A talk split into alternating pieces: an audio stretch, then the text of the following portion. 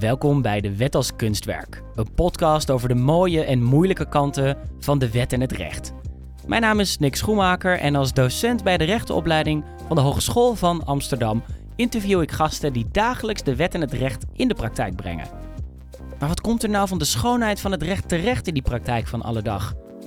Wanneer je als bezwaarbehandelaar, legal data analyst, compliance of privacy officer of in welke andere rol dan ook met het recht aan de slag gaat. Ik bevraag mijn gasten over de schoonheid van wetten en regels, maar natuurlijk ook waar de toepassing van die wetten en regels schuurt met andere belangen. Deze aflevering van de Wet als Kunstwerk nemen we op vanuit de koffiebar op de begane grond van het Wiebadhuis te Amsterdam. Voor een interview met HBO-rechten-alumnus Delali Zegbetsi. En ook in deze aflevering is gelukkig weer ruimte voor vragen van kijkers. Want we streamen deze opname live voor HBO-rechten-alumni die vanuit huis of op het werk meekijken. Delali groeide op in Amsterdam-West en Zuidoost. Wilde eigenlijk kapper worden, maar kreeg een gymnasiumschooladvies. En thuis werd de kapperscarrière daarop maar afgeraden jaren kijken naar de serie Ellie McBeal deed de rest. En vanaf uh, 2010 tot 2014 studeerde Delali HBO-rechten aan de Hogeschool van Amsterdam. Ze stroomde door naar rechtsgeleerdheid en was vijf jaar lang zelfstandig advocaat. Sinds de zomer is ze rechter in opleiding. Delali, uh, van harte welkom bij deze opname. Dankjewel. dankjewel. Fijn dat je er bent. Um, voor we verder met elkaar in gesprek gaan. Ik heb vernomen dat de huidige opleidingsmanager van HBO-rechten uh, aan de HVA, uh, trouw luisteraar van deze podcast overigens, jouw afstudeerbegeleider was. dat klopt. Ja. wat weet jij nog van jouw afstudeeronderzoek? Ik weet nog van mijn afstudeeronderzoek. Ik was met honderd andere dingen bezig dan studeren. dus eigenlijk wilde ik een heel mooi praatje houden van nou, ik was een gedegen onderzoeker. En, ja. uh, maar ik, ik heb, uh, ben heel dankbaar voor uh, Mohamed El Ghartit. Die ja. heeft me echt goed geholpen, er doorheen geloodst. Ja. Want ja, op een gegeven moment dan ben je zo bezig met het leven. En dan moet je ook nog afstuderen. En, en, wat, wat, wat hield jou bezig in het leven ten tijde van je afstuderen? Um, het sociale leven. Het was ontzettend een geweldige studententijd heb ik gehad. Ja. Um, veel vrienden gemaakt. Ja. Ik had een dochter toen, die was toen rond het afstuderen vijf of zes. Dus ik was gewoon bezig met van alles en nog wat. En, uh, en studeren. Oké. Okay. Ja. Ik ga je af en toe wijzen op de, op de microfoon. Zou je goed in de microfoon willen Zal praten? ik doen. Ik doe mijn best. Uh, de, die, er zit hier al heel veel informatie in. Ja. Deze la laatste uitspraak. Uh, een dochter van vijf toen je aan het afstuderen was. Ja. Um, dat, dat klinkt niet als het typische beeld wat ik heb van, van een, een, een HBO-student. Hoewel mijn beeld daarvan als docent ook echt wel is aan, veranderd de afgelopen jaren. Ja. Um, hoe, hoe was dat? Het was voor mij toen was dat normaal. Dat was Ja. gewoon het leven. Ja. Um, maar het was een gegogel. Je hebt uh, colleges die om half negen beginnen, daar moet je gewoon zijn. Maar een opvang die pas om half acht open gaat. Ja. En dat soort praktische zaken waar je tegenaan ja, loopt. ja. Of je zit in een uh, les en je wordt opeens gebeld van je kind is ziek, je moet je kind komen ophalen. Dus dat was een gegogel. Ja, kan, Ja. Ik, me, kan ik me goed voorstellen. Um, hey, we, we, gaan het hebben over, denk ik, een beetje je tijd bij, bij HBO-rechten. Ja. Die ligt al een tijd achter je. Dus we willen ook vooral kijken naar je rol nu. Ja. Um, je bent advocaat geweest. Ja. Je bent uh, rechter in opleiding. Klopt. Ja. Um, en uh, dat gaan we doen aan de hand van een aantal stellingen. Dus die ga ik als eerste aan je, aan je voorleggen. Ik ben benieuwd. Uh, graag eens of oneens antwoorden. En uiteraard uh, daarna alle ruimte om uh, ze toe te lichten en te nuanceren. Ja, prima. Oké. Okay. De eerste. Rechter worden ervaar ik als mijn roeping. Eens. Oké. Okay. Rechters weten intuïtief of iemand schuldig is of niet. Oneens. De schade die de toeslagenaffaire heeft aangericht kan hersteld worden. Oeh. Dat vind ik een heel moeilijk. Ik zeg nu oneens en dan licht ik het later wel weer toe. Oké, okay, goed. De rechtspraak in Nederland is divers genoeg. Oneens. En de laatste, ik heb nog nooit een fout gemaakt als jurist. Oneens. Oké, okay, oké. Okay. Heel erg oneens, ja. Misschien kunnen we bij die laatste beginnen. nou, ik denk, um, je, kijk, als jurist je bent ook gewoon mens. Ja. En je gaat gewoon je werk doen en je doet het hopelijk naar eer en geweten. Ja. En zo goed mogelijk. Ja. Maar je weet niet alles. Ja. En daar kom je soms gewoon pas later achter. En wat ik echt heb geleerd met als je een fout maakt of je denkt van dat ging niet goed. Het beste wat je kan doen is het zeggen. Ja. Zodra je Ja. erachter komt, gewoon Ja. zeggen van jongens, ik heb iets gedaan en dat was niet wat het moest zijn. En, en denk jij nu aan een specifieke casus als je dit verhaal vertelt, deze les met ons deelt? Ik was eh, denk ik net twee maanden advocaat. Ja. en ik ging een verzoekschrift uh, indienen. Dus Ja. ik startte een procedure. Ja. En toen bleek dat ik in een van de brieven daarvoor het huisadres verkeerd had opgeschreven. Dus in plaats van nummer 11, eh, 11 dat helpt niet. 21, nummer 12. Ja. En ehm, dus ik was helemaal in paniek. En de advocaat van de eh, andere partij maakte daar een heel groot punt van. Ja, de huisnummer stond verkeerd. Dus Ja, ja. mijn cliënt kon het niet weten. En ehm, ik raakte ook eerst in paniek. Ja, En ja, toen was het echt even van, oké, denk na. Ja. En ik heb mijn cliënt ingelicht van, goh, waarschijnlijk stond het huisnummer verkeerd. Als eerste je cliënt. eh, Ja. ja. Ja. want uiteindelijk, je kan het wel gaan uitstellen, maar het komt toch wel uit. Ja. En als advocaat, als je dan ehm, bij een tuchtrechter komt, dan is het eerste wat ze vragen is, heb je je cliënt ingelicht? Ja. En hoe heb je dat aangepakt? En als je dat niet hebt gedaan, is dat eigenlijk al een beetje een sign van hmm, het, eh, dan is het boel. een grote probleem. Ja, Ja. ja. ja, Ja, want fouten maken is menselijk, Ja. ehm, maar je moet er wel voor uit, eh, uit kunnen komen. Eh, kwa- kwam er nog een rechter aan te pas in dit geval die, die daar iets van vond of zei? Of... Het grappige was, we zaten toen in de zittingszaal en de rechter die eh, leest de stukken en de wederpartij maakt daar een punt van.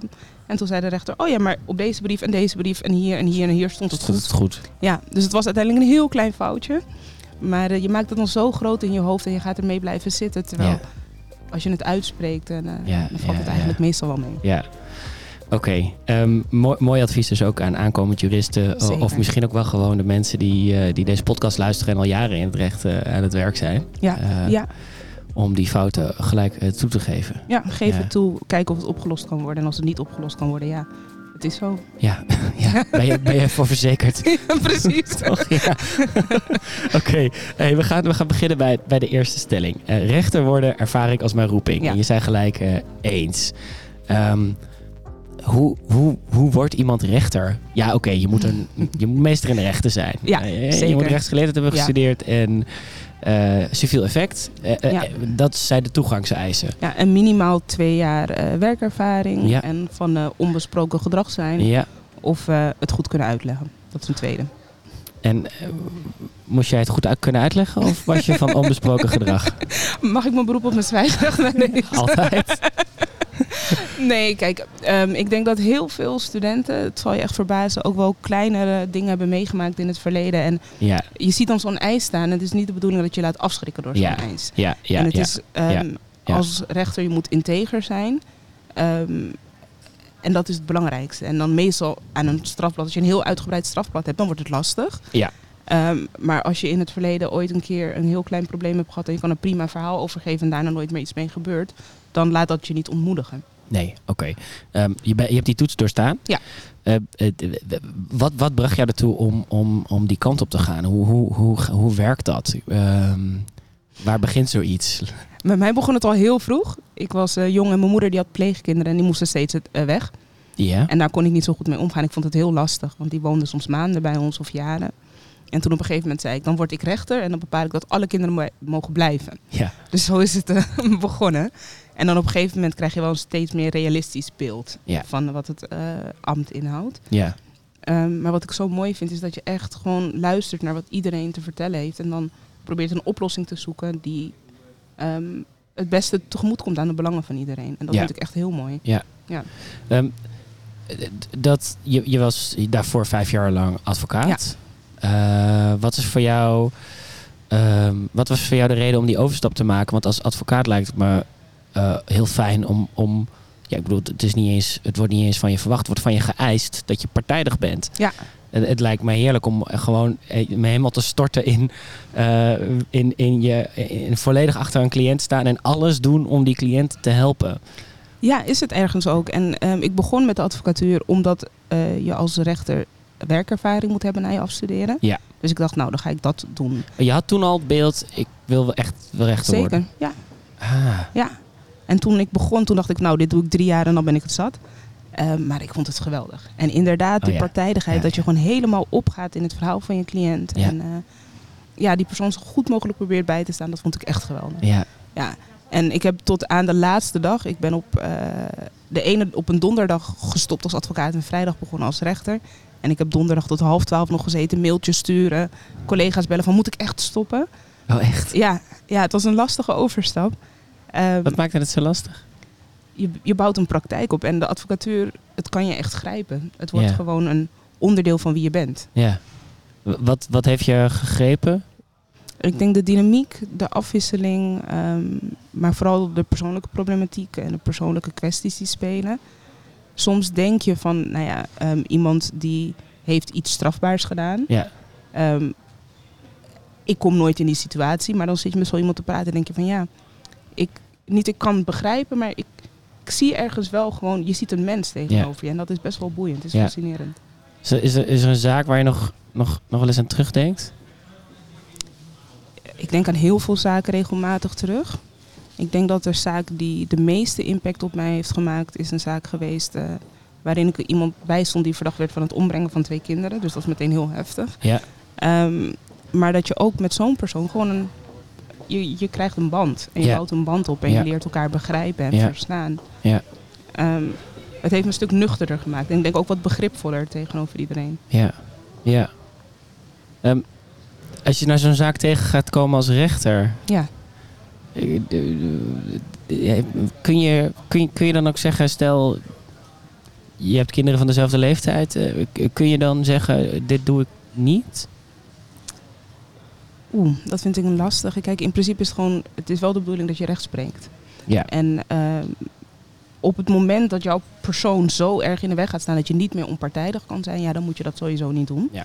Ehm, maar het is de bedoeling dat je recht spreekt en dat doe je zonder aanzien perso- des persoons. Dus wie er ook voor je staat, Mhm. ehm, je gaat recht spreken. Dus het is, het is tweeledig. Je hebt het, is, het is geen antwoord. ja, wat even voor de goede orde. antwoord. Nee, nee, voor de goede orde. Je bent, eh, je bent eh, deze zomer begonnen. Ja, na, ja, na herfst. Oh, her, oké. Herfst, ja. Ehm, en, en dat betekent dat, dat, dat je, hoe- ja, even heel praktisch, je, je solliciteert op een vacature of hoe werkt dat? Ja, je ziet een vacature en dan ga je solliciteren. Ja. En dan heb je een briefselectie en dan volgen er nog iets van vier rondes met psychologische test, ehm, intelligentietest, rollenspellen. Ja. Twee maanden lang eh, duurt de procedure. Oh, jeetje. Oké, nou, die, da- daar ben je dan doorheen. Ja. En hoe gaat het dan in, in, in zijn praktijk? Wat, wat, wat is dan, eh, word je gewoon, ga je als politierechter aan de slag of juist niet? Het ligt er een beetje aan waar je start. Ik ben gestart bij strafrecht. En Ja. dan ga je niet als politierechter, want dan zit je alleen. Ehm, maar je doet een meervoudige kamer, dan zit je met z'n drieën. Oké. Ehm, en dan kan je dus een beetje optrekken aan de andere rechters die Ja. er zijn. En dan word je aldoende opgeleid. Eh, als rechter in opleiding? Ja. ja. Eh, Ja. Maar wel als volwaardige rechter in? Ja, als De meervoudige ja, kamer. zeker. Oké. Ehm, wat was je eerste zaak? Nou, moet ik even nadenken. Dat was een eh, proforma, dus dat niet echt inhoudelijk. Fijn, Helaas. fijn, om even, Helaas. fijn om er even in te komen. Ja, maar je begint vaak met raadkamerzittingen, gevangenhouding. Ja? En dan ga je dus bepalen of iemand langer moet vastzitten of Ja, niet. oké, helder. Ehm, oké, dit- je, je- zegt ik er, er- ervaar het al- als mijn roeping. Ja. Ehm, is dat echt terug te voeren op dat moment waar je het net over had? Ik denk dat het wel daar echt is begonnen. En ehm, als advocaat zag je heel vaak dat er dan eh, wordt... Je hebt cliënten die daar zitten en ehm, die zijn in gesprek met de rechter die niet... Ik ga, ik ga dit heel even goed moeten formuleren. Ehm, soms is er best wel een groot verschil tussen de belevingswereld van de persoon die daar zit... Ja. en de persoon die op de stoel zit. Ja. En ik denk dat het bela- van, belangrijk is dat er gewoon heel veel verschillende soorten rechters zijn.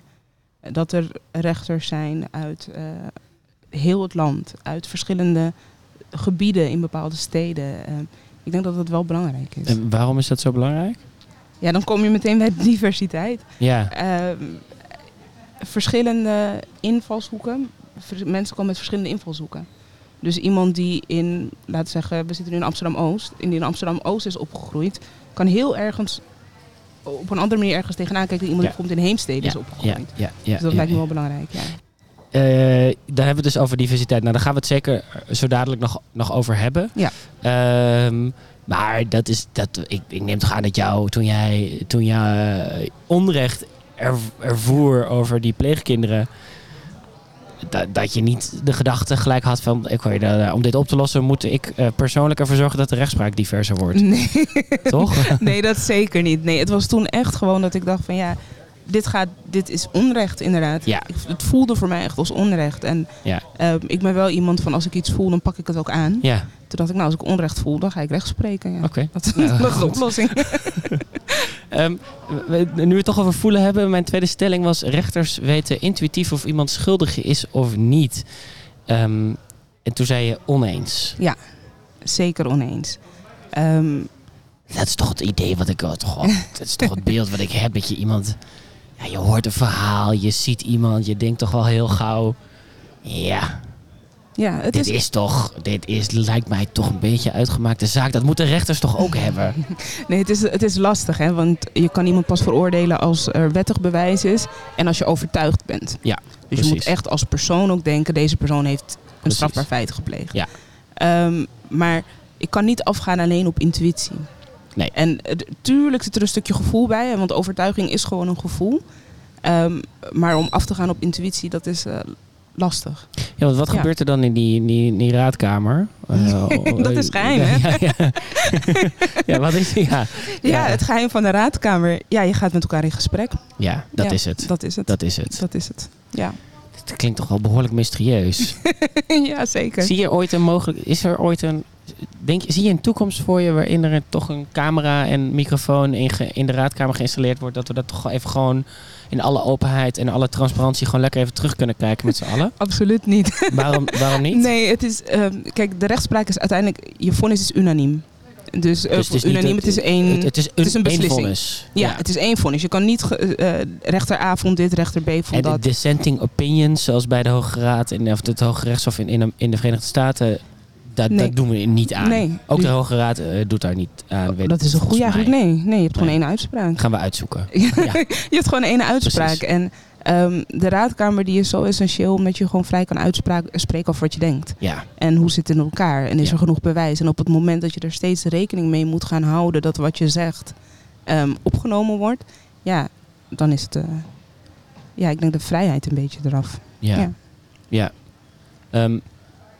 Eh, zou je ons kunnen meenemen in, in wat, het, wat er dan, ehm, wat dan de, de basis is voor je besluitvorming? Of kan dat, is dat, behoort dat al tot het geheim van de raadkamer? In welke zin de basis? Nou, ehm, ik, ik zei net, eh, rechters weten intuïtief of iemand schuldig is of niet. Je zegt nee, oneens, want wij, d- d- d- daar, daar baseren, we baseren ons oordeel niet op onze intuïtie.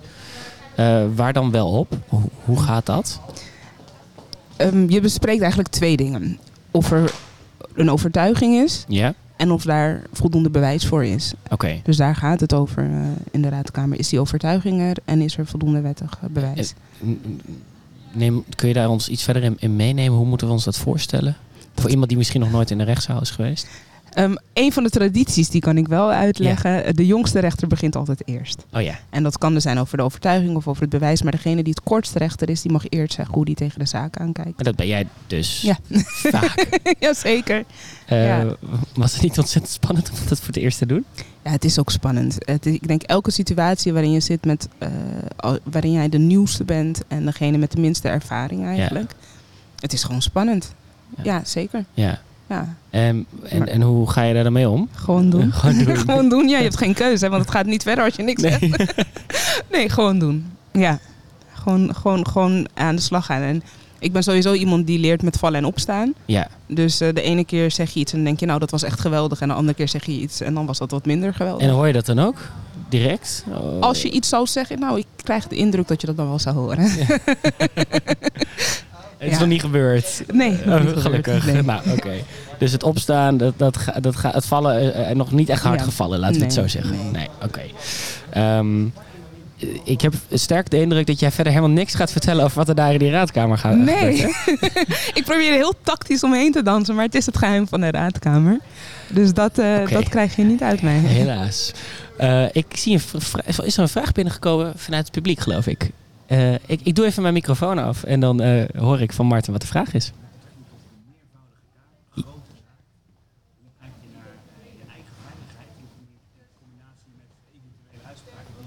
Ah, Oké, mo- een mooie vraag die we binnenkrijgen. Dus Ja. eh, je, je- meer, meervoudige kamer, dat betekent ook vaak grotere zaken.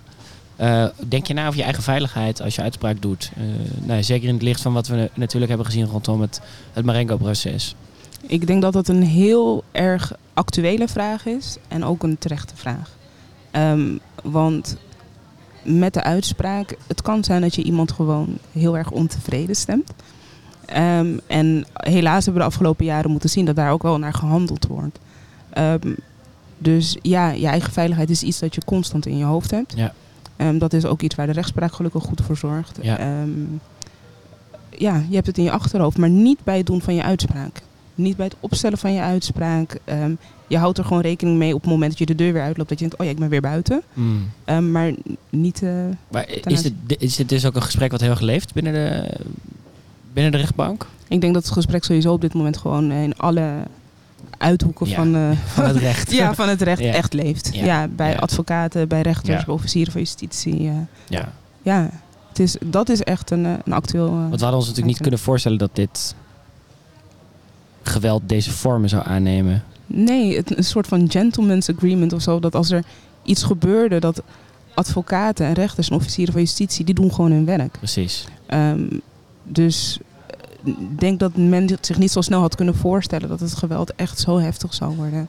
Ehm, en levend zou gaan eh, Ja. kosten. Ja. En nu is het lastige dat jij daar misschien wel mening over hebt over wat we zouden kunnen doen om dat tegen te gaan. Maar ik begrijp, begreep dat, dat, dat jij online eigenlijk niet meer bestaat. Ehm, en, en dus ook geen meningen meer uit online. Nee, ik doe mijn best om online zo goed als eh, kwaad als het gaat eh, te verdwijnen. Waarom is dat? Ehm, nee, kijk, de rechtspraak die is natuurlijk wel... Je bent onpartijdig. Je bent daar zonder vooroordelen. Ja. Ehm, en als advocaat vooral... Ja, soms neem je gewoon een bepaalde positie in. En soms zijn er dingen waarvan je zegt van... Ja, daar ga ik voor staan. Ja. Omdat het belangrijk is voor mijn cliënt. Ja, ja. Of omdat ik het zelf belangrijk vind. Ja. En dat is gewoon mijn eh, taak nu niet meer. En het zou... Ja, Het- Het is, het is eh, ja, eh, het is dus, mis je dat dan niet? Kan ik me wel voorstellen. Om te zeggen wat ik denk. nou, dat kan, dat kan in de raadkamer dus Precies. Ja. Maar niemand het verder Maar hoort. niemand het weet. Oké, en we gaan naar onze volgende stelling. Eh, als er vragen zijn, dan, eh, ja, dan zien we het. Ehm, de, dat was de, de, de derde die ik jou voorlegde. De schade die de toeslagenaffaire heeft aangericht kan hersteld worden. Ja, en ik zei oneens, hè. Je zijn in de eerste instantie oneens, maar je twijfelde erg lang over deze vraag, over deze stelling. Ja, want op het moment dat je zegt schade kan niet hersteld worden, ja, moet je dan überhaupt nog je best gaan doen om iets te herstellen. Want, Ja, Dus vandaar dat ik zo moest twijfelen. Eh, maar eh, op persoonlijk niveau zijn er mensen echt heel erg diep geraakt. Ja. Eh, mensen zijn heel diep in de schulden gekomen. Ehm, huwelijken kapot, kinderen uit huis geplaatst, woningen kwijtgeraakt. Ja. En dat draai je gewoon niet meer terug. Ja. Dat kan je niet meer herstellen. Kijk, als een kind uit huis is geplaatst, zal er, wel, zal er waarschijnlijk meer hebben gespeeld. Ja, Ehm, maar je kan niet zeggen, goh, je bent nu eh, vijf jaar lang, heb je niet thuis gewoond, ga maar weer terug naar huis. Ja. Het, het werkt niet zo makkelijk. nee. Ehm, dus dat soort dingen kan je, je kan ze gewoon feitelijk niet herstellen. Ik denk wel dat er echt nagedacht moet worden over hoe eh, je de gedupeerden zoveel mogelijk tegemoet kan komen. En eh, ik denk dat iedereen, eh, ehm, nou ja, Raad van State heeft daar ook over uitgesproken. eh, dat er dingen moeten veranderen. Ja. Dat er sprake is misschien ook wel echt van een, van een schuldvraag die beantwoord moet worden, ook door de Raad van State zelf. Ehm, maar is dit een gesprek wat binnen de rechtspraak gevoerd wordt over hoe je dit voorkomt? Of hoe je dit, kun je dit als individuele rechter ehm, op de een of andere manier voorkomen? Nou, ik denk dat het vooral belangrijk is dat je als rechter... Kijk, je hebt een bepaalde taak, hè? Je moet recht spreken. Ja, Dat moet je doen binnen de grenzen van eh, de wet. Ja. Ehm, maar dat je wel een individuele verantwoordelijkheid zou kunnen voelen... om te kijken van, als ik nu een uitspraak doe... is dit nog wel recht? En ja, Het is een hele dunne scheidslijn, hè? want je kan niet zomaar ingaan tegen wat de wetgever zegt. Ehm, maar het, het lijkt me goed om bij elkaar te blijven toetsen van vinden wij dit nog wel recht? Ja, ja. En, en dat. eh, ja, want ja, je, hebt, je hebt natuurlijk de, de, de wet waar je Ja, nou ja, precies. Maar, Ja. maar als die wet al in zichzelf misschien iets onrechtvaardigs heeft, hoe doe je dat dan? Ja, je zag eh, het laatste, was, ik heb hem nu even niet meer, dat had ik natuurlijk op mijn netvlies moeten, heb ik hem niet meer helemaal paraat. Was er een uitspraak van eh, een eh, dame die kreeg een uitkering, ik weet even niet meer welke. En zij was tegelijkertijd was zij ernstig ziek. Ja. En dan wordt er naar, voor je uitkering gekeken naar nou, hoeveel heb je de afgelopen zoveel eh, tijd heb je verdiend. En dan wordt daar gemiddelde van genomen. En bij haar kwam dat gewoon echt heel slecht uit. Ja, Ehm, en dat is toen wel een rechter die heeft gezegd van ja, dit is zo'n onredelijke uitslag die eruit komt. Het is een jonge vrouw, ze heeft niet gewerkt, want ze studeerde.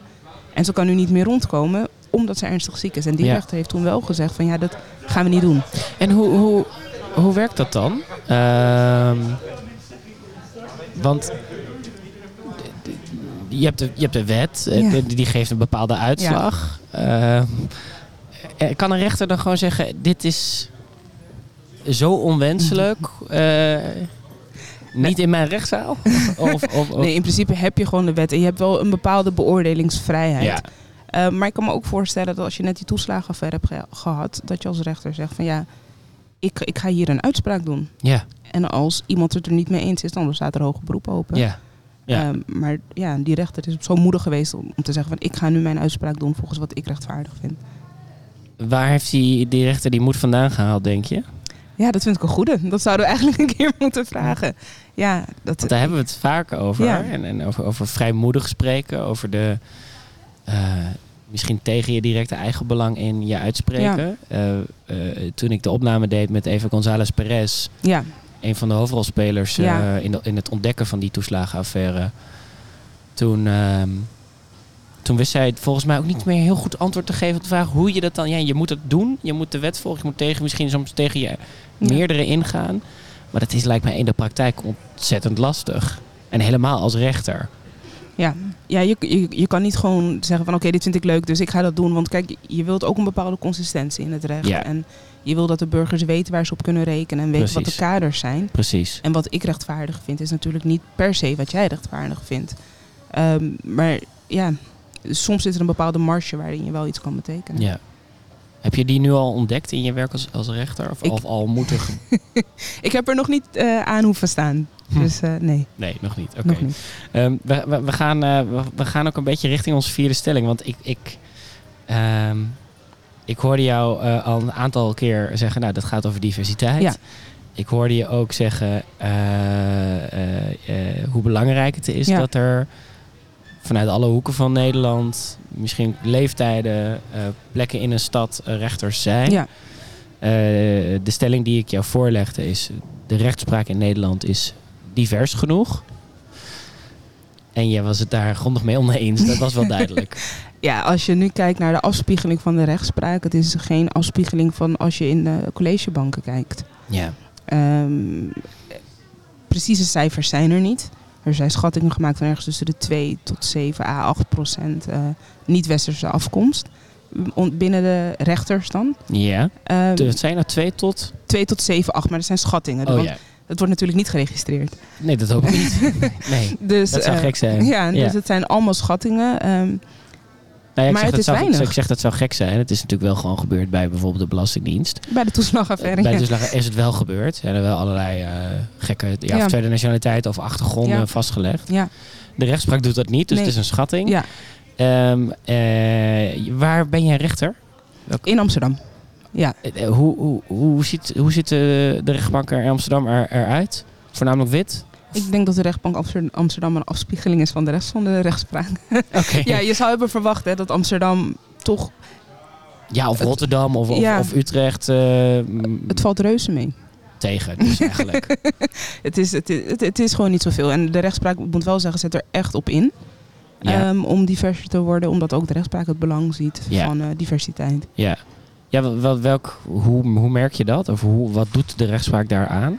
Nou, we hadden toevallig een paar weken geleden Diversiteitsdag. Ja. En dan eh, dat zijn, dat er allemaal, klinkt... eh, zijn allemaal workshops, eh, workshops over diversiteit. En ehm, je merkt ook in de sollicitatieprocedure dat men echt met elkaar in gesprek gaat. En ja. ja, er zijn formele vereisten waar je aan moet voldoen. Ja. Ehm, maar het, het, het is niet van lever je cijferbeleid maar in en je moet allemaal tienen hebben en je moet activiteiten daar en daar hebben gehad. Nee, als je voldoet aan instapeisen, ja. schrijf een brief en eh, kijk hoe ver je komt. Eh, Maar ik ga er ook wel vanuit dat er eh, eh, genoeg mensen met een niet-westerse achtergrond zijn... eh, die ook die tienen halen en die... Ja, nee, zeker. Dus ik, zeker. in, in die Nee. zin... ik Volgens bedoel mij... gewoon qua eh, diversiteit, zeg maar. Kijk, je hebt diversiteit natuurlijk op achtergrond, culturele Precies. achtergrond. Ehm, maar ook op hoe heb je je opleiding eh, doorgemaakt, Ja, ja, et cetera. ja, ja, en als je ja. op een gegeven moment bijvoorbeeld bepaalde cijfers gaat eisen, studentenverenigingen gaat eisen, dan Dan zit je in een bepaald hoekje te zoeken. precies, Ja, exact. Ja, ja, ja, en de rechtspraak die doet dat niet. Die Nee. zegt gewoon ehm, civiel effect moet je hebben gehaald, Ja. zoveel jaar werkervaring en solliciteer. Ja, ja. En, en dat, levert dat al resultaten op? Of?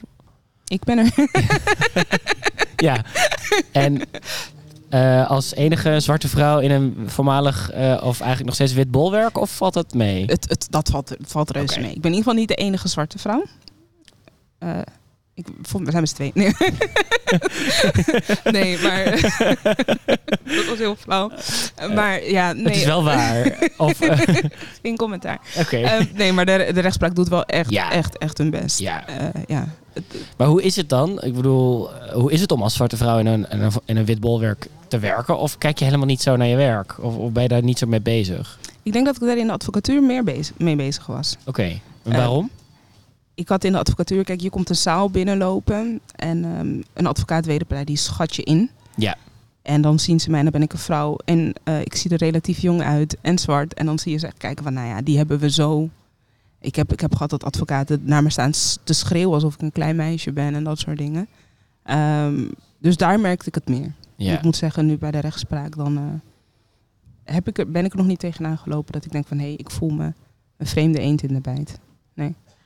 En is dat omdat, um, um, ja, waarom is dat eigenlijk? Ja, ja. Ik, nou ja, toen ik het zei, ik moet eraan denken. Ik moest ook meteen denken van ja, waarom is dat eigenlijk zo? Ik weet niet of het is dat ik gewoon een heel fijn team heb getroffen, maar um, we zijn daar, we doen ons werk. We zijn volgens mij, de meeste van ons zijn of strafrecht nerds of uh, een ander rechtsgebied. En daar vinden we elkaar in. Ja, het, is leuk dat je dat zegt, want ik, ik heb ook het idee dat als je um, een rechter deze stelling zou voorleggen, dat, dat, dat de meeste rechters zeggen, maar, maar het gaat toch niet om. Het gaat toch niet om hoe ik eruit zie of welke achtergrond ik heb. Ik, ik doe toch mijn werk gewoon ja. heel goed. Ja, maar en tegelijkertijd zeg jij, ja, dat, dat, dat, dat is ook zo. We focussen ons op de inhoud. We zijn strafrecht nerd of we zijn. Uh, we, we, houden van het recht. We vinden het een, een, een mooi en belangrijk beroep. Ja. Ja, het, is, het, klinkt heel dubbel. En, en tegelijkertijd is het wel belangrijk dat het een afspiegeling is van, van, van hoe de stad eruit ziet. Dat ook ja. uh, de stad Amsterdam uh, ja, te spiegelen is aan het arrondissement uh, Amsterdam.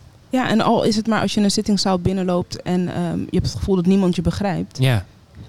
Ga je dan nog je best doen om je verhaal te vertellen. Um, het was, dat was nog in mijn advocatentijd was er een cliënt en die werd um, Appie genoemd. Ja. En die stond terecht voor een winkeldiefstal. En toen vroeg de rechter toen aan uh, mijn cliënt van ja, um, noem eens je appie omdat je zo vaak stilt bij de Albert Heijn. Terwijl als je keek naar zijn voornaam, hij had een voornaam die best wel vaak wordt afgekort naar ja. appie. Ja. Ja. En dan denk je van ja, als zo'n rechter dat had geweten, dan was het hele gesprek anders gegaan. Want Ja. nu was die verdachte meteen hak in het zand. Ja. Ik ga niet meer met deze persoon praten. Ja. Ja. En dus dat zijn van die hele kleine dingetjes. Ehm, ja, Wat, wat kun je doen in de, in de rechtszaal om... Of is het je taak om iemand op zijn gemak te laten voelen? Op zijn gemak laten voelen. Nee, je gaat met de persoon in gesprek. Ja. En ehm, ook al ben je daar als verdachte in een strafzaak, het is jouw kans om je verhaal te doen. Het Ja. is jouw kans om te vertellen wat er is gebeurd. Ehm, ook voor slachtoffers en nabestaanden, die zouden graag willen weten wat er is gebeurd. En dan lijkt het me wel goed dat er een sfeer hangt waarin dat kan. En, hoe- dat kan niet altijd hoor, maar Nee, wanneer kan het wel? Of hoe, wat doe je om, dat, om die sfeer zo goed mogelijk neer te zetten? Die persoon die tegenover me zit op waarde schatten. Hmm. Dat is gewoon respecteren als mens. Hmm. En dat is soms echt heel lastig. Want die, sommige mensen worden verdacht van hele ernstige feiten. En er zitten slachtoffers eh, of nabestaanden in de zaal. Ja. Ehm, maar het is wel echt belangrijk dat je iedereen respecteert. En iedereen het gevoel geeft van ik word behandeld met respect. Er wordt niet op mij neergekeken. En zo proberen de waarheid aan het licht te brengen. Ik kijk nog eventjes eh, naar, naar Marten. Eh, we hebben nog een vraag. Mooi, mooie vraag die we binnenkrijgen. Dus ik herhaal Ja. hem even, dan, eh, dan staat hij ook op de opname.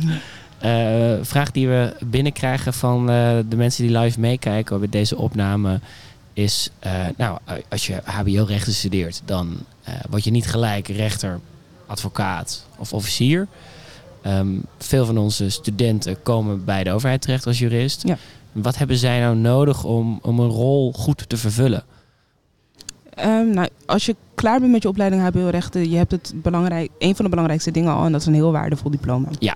Ik denk dat dat echt goed is om bij stil te staan. eh, Ja, wat ik zei het in de introductie. Je bent eh, ehm, eh, eerst HBO-rechten gaan studeren. Ja. Je hebt het schakelprogramma Ja. of, of het, Doorstromprogramma, gedaan. gedaan.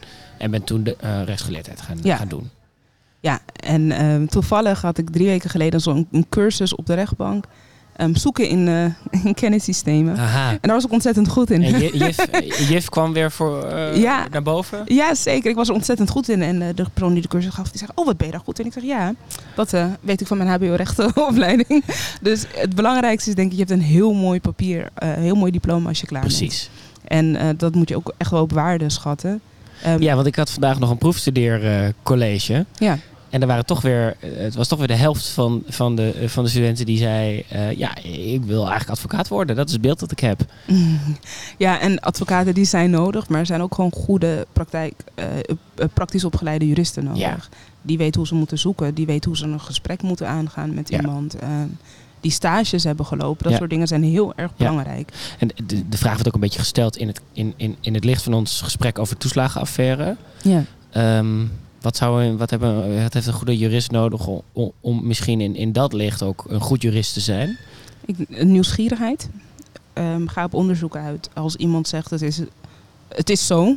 En eh, je denkt van, hmm, ga gewoon op onderzoek uit. En dan bedoel ik niet, ga met iedereen in discussie. Absoluut niet. Gra alsjeblieft niet. Nee. Maar je kan best als je thuis komt en iemand heeft gezegd, het is zo. Nog even opzoeken van, oké, waarom is het zo? En Ja. waar is dat verankerd? En wat Ja. is de gedachte van de wetgever geweest? Dus wees nieuwsgierig, ga op onderzoek uit.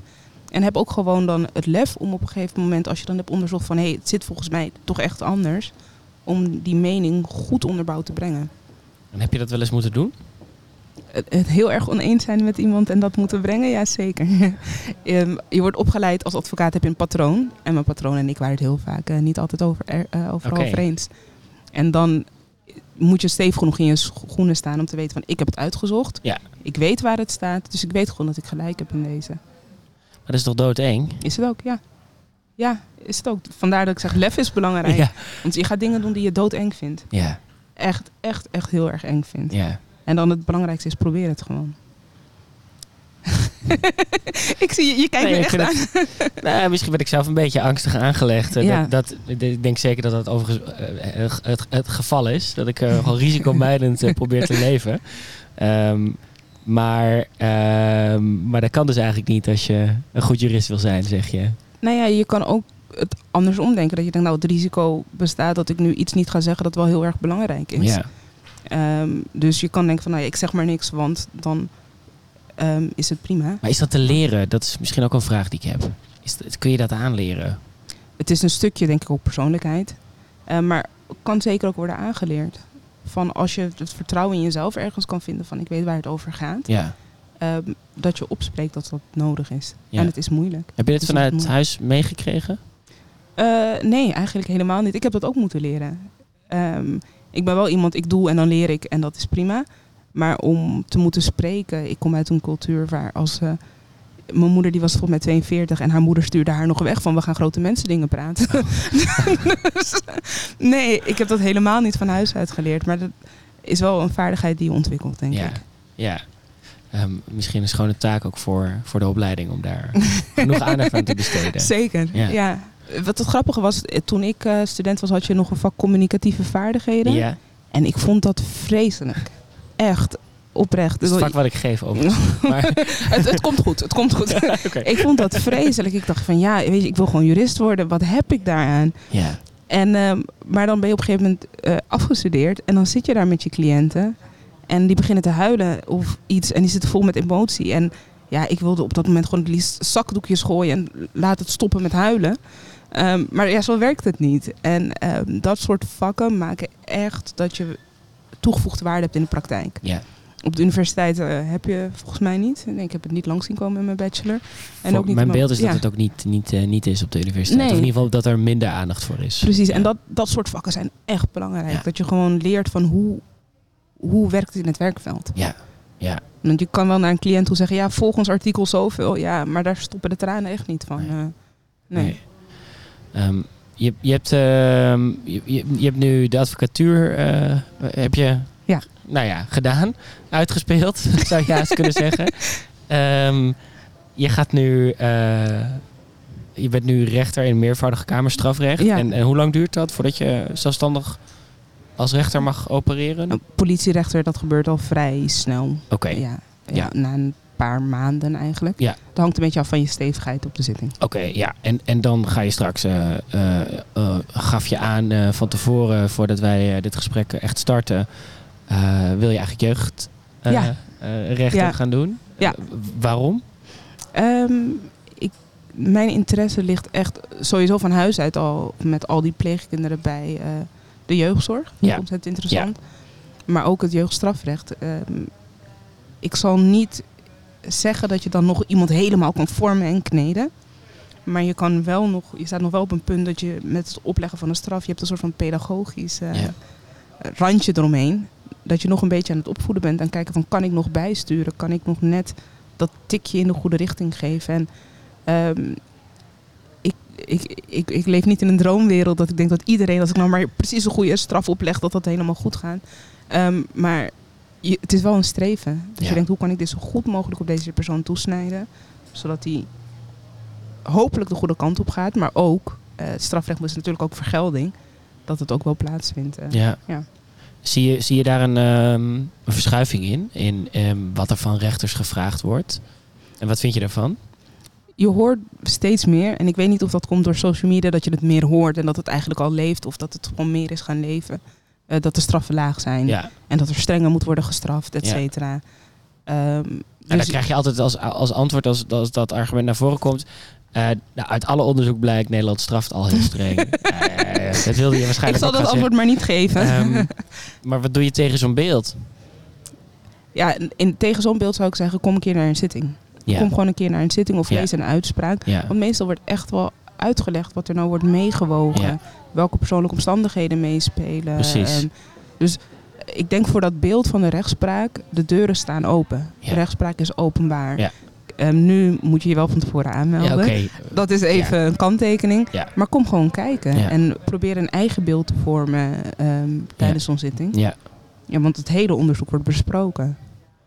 Ik, eh, ik zie dat maar als een hele mooie aansporing om eh, ook mijn eh, studenten eh, mee te nemen Ja, naar de rechtszaal. Ja. En een zitting bij te wonen. zeker. Ja. Ja. Misschien treffen we jou dan. Dat zou leuk zijn. Dat zou leuk zijn. Ehm, eh, ja, ik heb nog nooit een fout gemaakt als jurist. Dat was de laatste die ik stelde, maar dat is de eerste die je al beantwoord Ja. had. Dus dan gaan we eigenlijk gelijk door naar mijn laatste vraag aan jou. En het is, wat maakt de wet voor jou tot een kunstwerk? Oh, wauw. Dat is een mooie vraag. Ehm, het is gewoon, het is een, eh, een soort van puzzel. Hm. Ehm, een puzzel van alle regels, van alle regelgeving. Je probeert eigenlijk de samenleving eh, te omvatten in een boek. Of in een hele stapel boeken inmiddels. Maar Ja. je probeert de hele samenleving te gieten in regels. En ehm, maar ja, het is voor mij een puzzel. En ik vind puzzels eigenlijk ook wel kunst. Mooi. ik denk dat dat gewoon de hele samenleving, hoe je dat probeert samen te vatten. Ehm, hoe je probeert rekening te houden met de belangen van iedereen. Ja. eh, hoe je probeert zo rechtvaardig mogelijk te zijn. Ja, dat Ja. Is, is kunst. Ja. Ja, En dat is een, een kunst die jij eh, aan het bedrijven bent. ja en die Ehm. hoop elke dag steeds meer te gaan beheersen. Ja. Ja. Dankjewel, uh, Delali. Jij bedankt Dankjewel voor, voor de uitnodiging.